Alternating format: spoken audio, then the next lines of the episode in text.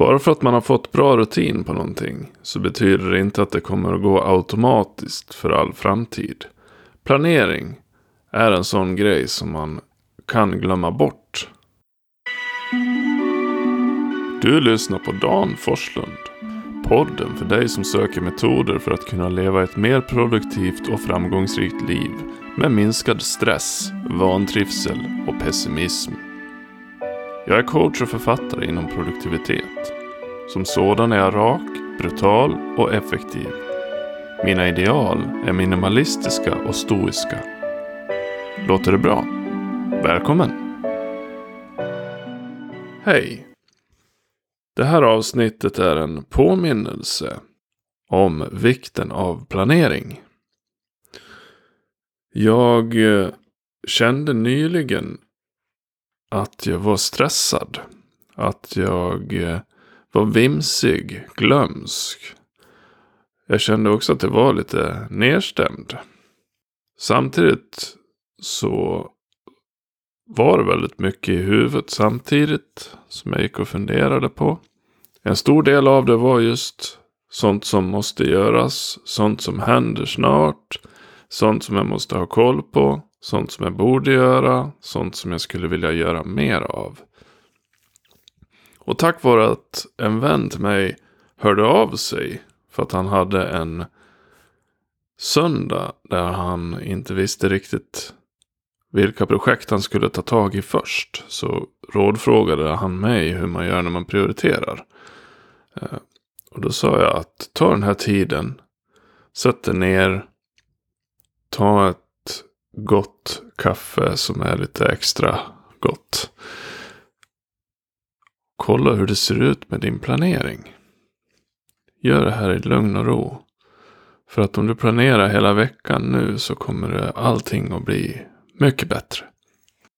Det här rådet var ju faktiskt någonting som jag behövde höra själv. Det är ju ofta så. Jag är väldigt bra på att säga saker till andra som är värdefulla, givande råd som folk tackar mig för. Men väldigt ofta så är det råd som jag också skulle behöva höra själv. Och så blev det alltså nu. Jag insåg att min planering, den är ju inte bra alls. Jag har liksom ett sjok med tid som jag ägnar åt jobbet.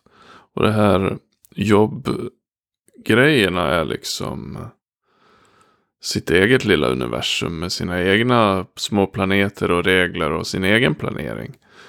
Det är en avsatt tid på vardagar när jag sysslar endast med det. Men för allting annat som ligger utanför.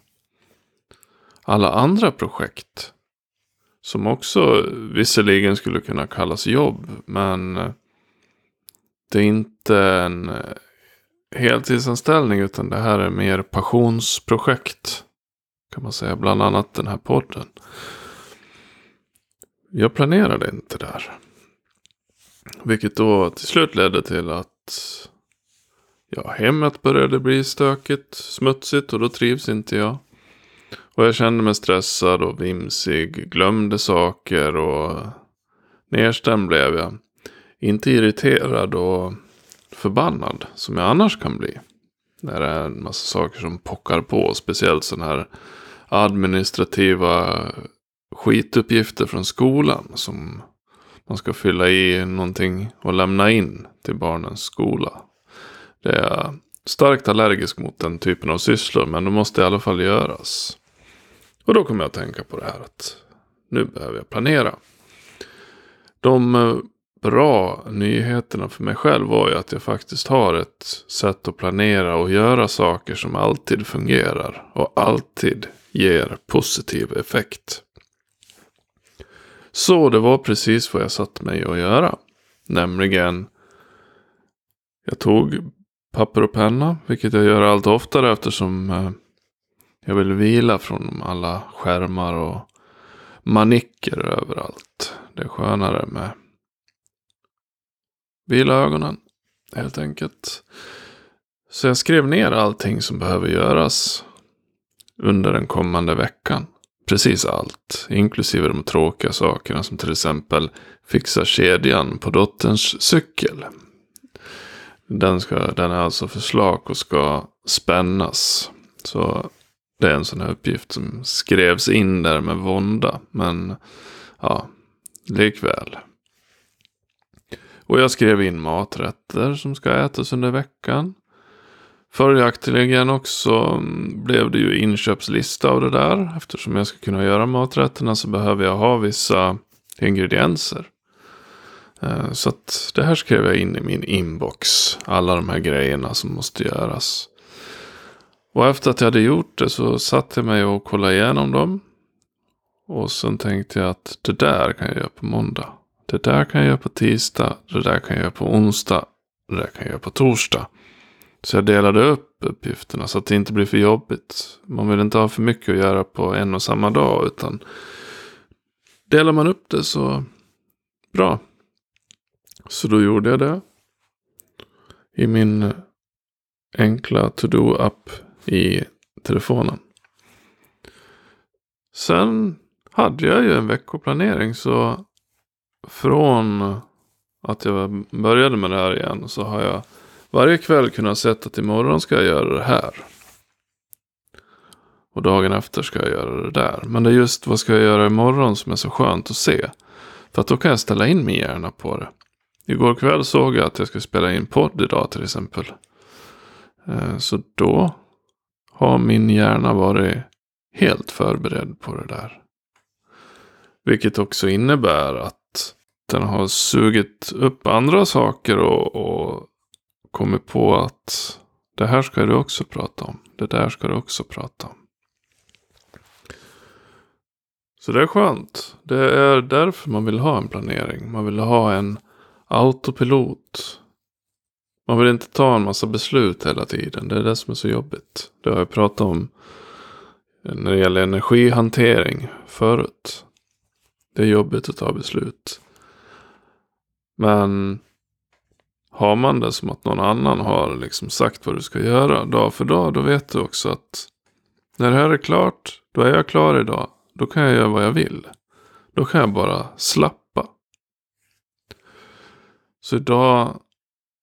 Vi får se med den här kedjan på cykeln. Eh, eh, den ligger faktiskt på dagens. Och min inre känsla är att jag ska skjuta upp den här. Jag vill inte göra det här idag. Det står också att jag ska ut och springa.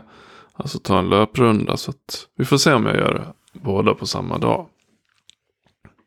Eftersom jag har planerat matlagningen under veckan.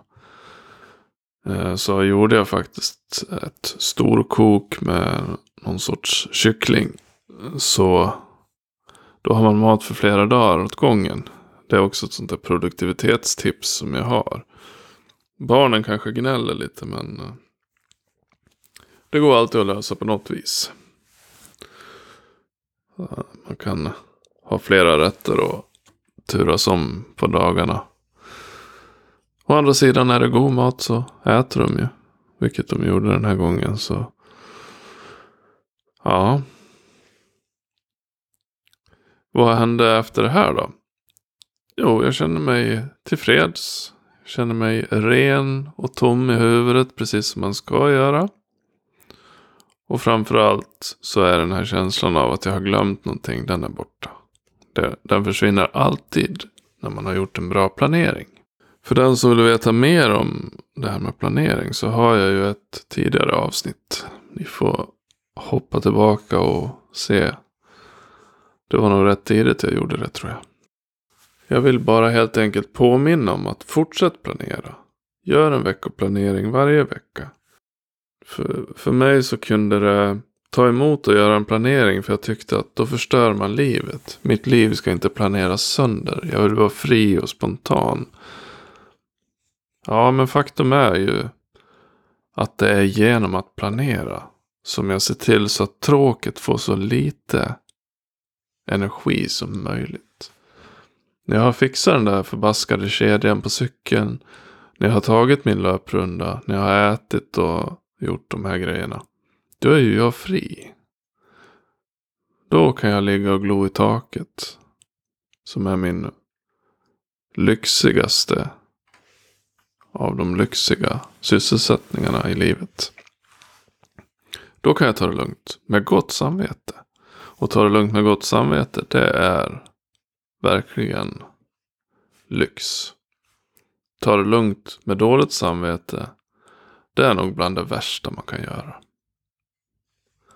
Och genom att införa en bra planeringsrutin i ditt liv redan idag så ser du till att piska upp tråket och ge det så lite tid och så lite energi som möjligt.